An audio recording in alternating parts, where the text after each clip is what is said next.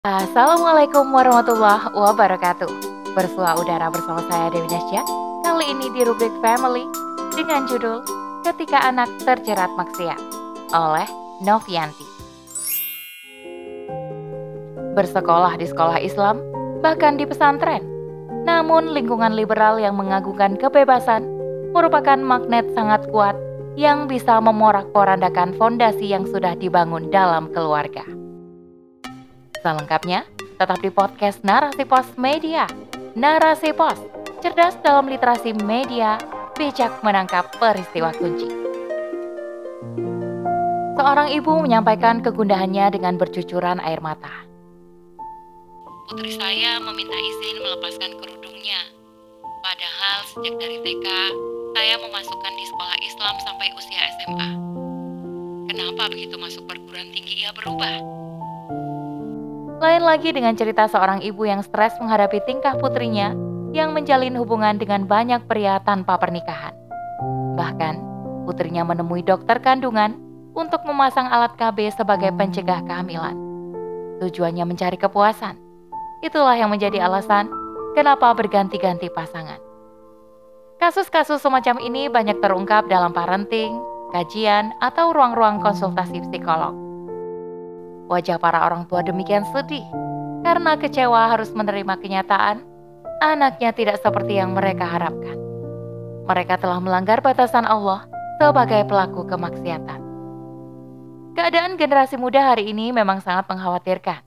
Kepala BKKBN Hasto Wardoyo yang dirilis oleh antara news.com pada 7 Januari 2022 mengatakan bahwa banyak anak-anak sudah melakukan hubungan seks sejak usia belasan tahun. Ada 6% pada kelompok usia 11 hingga 14 tahun, sedang pada usia 15 hingga 19 tahun, ada 74% laki-laki dan 59% perempuan sudah melakukan hal tersebut. Muncul pula fenomena baru di masyarakat, yaitu FWB alias Friend with Benefit. Istilah yang menggambarkan hubungan lawan jenis berawal dari pertemanan, kemudian berkembang menjadi hubungan seksual tanpa pernikahan. Hubungannya bisa putus kapan saja, dan menurut para pelakunya tidak merugikan siapa pun karena sejak awal sepakat tidak ada komitmen harapan masa depan. Ada lagi istilah jatah mantan, yakni menyerahkan kehormatan pada mantan, lelaki yang bukan calon suaminya pada hari menjelang pernikahan. Dan masih banyak kasus lain yang menunjukkan buramnya kondisi generasi muda. Padahal mereka adalah harapan masa depan tetapi persoalan dirinya sendiri saja belum terselesaikan. Pada beberapa kasus, pola pengasuhan menjadi salah satu penyebab. Namun tidak sedikit anak muda yang nakal berasal dari keluarga baik-baik. Bersekolah di sekolah Islam, bahkan di pesantren. Namun lingkungan liberal yang mengagungkan kebebasan merupakan magnet sangat kuat yang bisa memorak-porandakan fondasi yang sudah dibangun dalam keluarga. Dalam paham liberalisme, setiap orang memiliki kebebasan berakidah, bisa keluar masuk agama, berbuat tanpa mempertimbangkan halal dan haram, atau mempertimbangkan dosa atau pahala.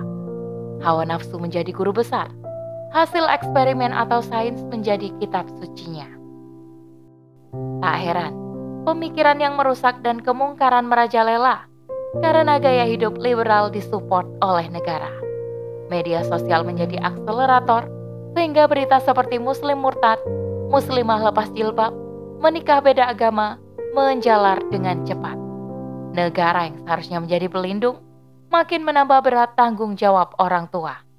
Melalui kurikulum moderasi beragama, konsep agama dikaburkan, identitas kemusliman dicerabut dari kalangan generasi muda. Tidak sedikit orang tua yang putus asa, bingung tidak tahu harus melakukan apa. Ada yang memilih pasrah atau mengusir anak daripada harus menanggung malu. Tentunya, keputusan ini akan memperburuk keadaan karena anak semakin terperosok dalam lubang dosa. Anak adalah amanah yang akan dipertanggungjawabkan di hadapan Allah SWT. Karenanya, meski mendidik dalam alam liberal tidak mudah, orang tua harus tetap optimis dan tidak putus harapan.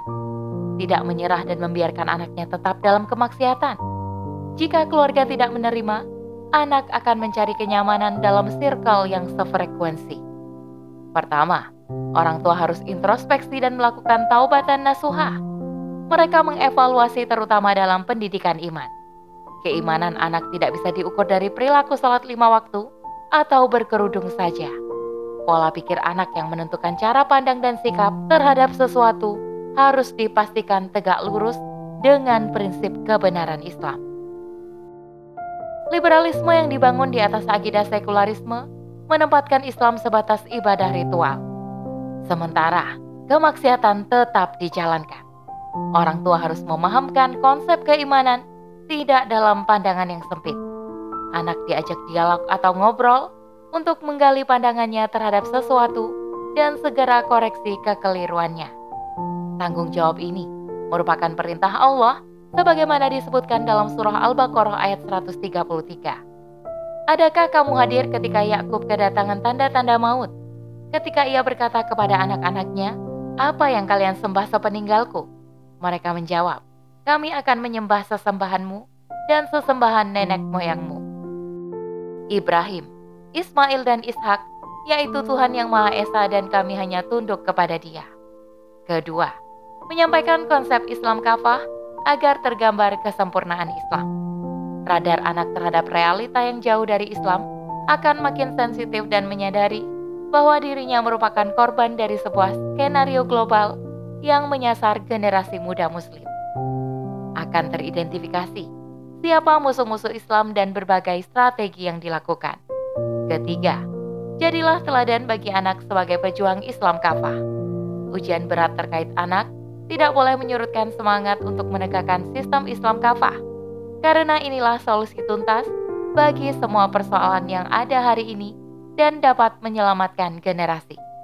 Menjadi pejuang Islam kafah berarti menolong agama Allah. Dan Allah berjanji dalam surah Muhammad ayat 7. Jika kamu menolong agama Allah, niscaya dia akan menolongmu dan meneguhkan kedudukanmu. Keempat, selalu berprasangka baik pada Allah ketika anak tergelincir dalam perbuatan dosa, tidak berarti hilang kesempatan meraih surga.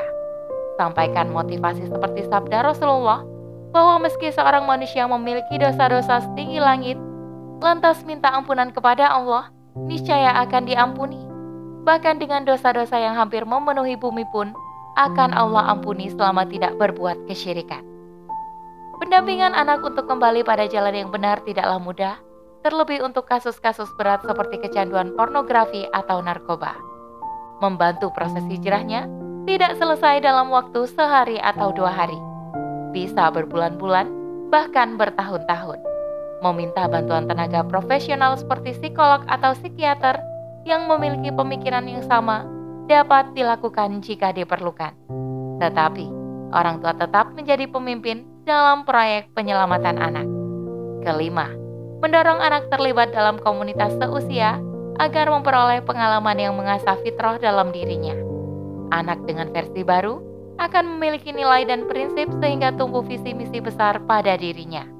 Ia merasakan bahwa dirinya berharga dan paham makna berjuang. Hidup ini tak layak untuk diratapi, lantas terpuruk dalam penyesalan. Selalu ada kesempatan bagi siapa pun yang ingin berubah dan kembali mendekat pada Allah. Allah melarang hambanya berputus asa dari rahmat Allah. Tugas manusia terus berikhtiar, fokus pada proses, bukan pada hasil. Nikmati lelah dalam hijrah, karena semua itu sepadan dengan tujuan sesurga di akhirat bersama keluarga. Wallahu a'lam. Demikian rubrik family kali ini. Sampai bertemu di rubrik family selanjutnya. Saya Dewi Nasya kundur diri. Aku Minggu. Wassalamualaikum warahmatullahi wabarakatuh.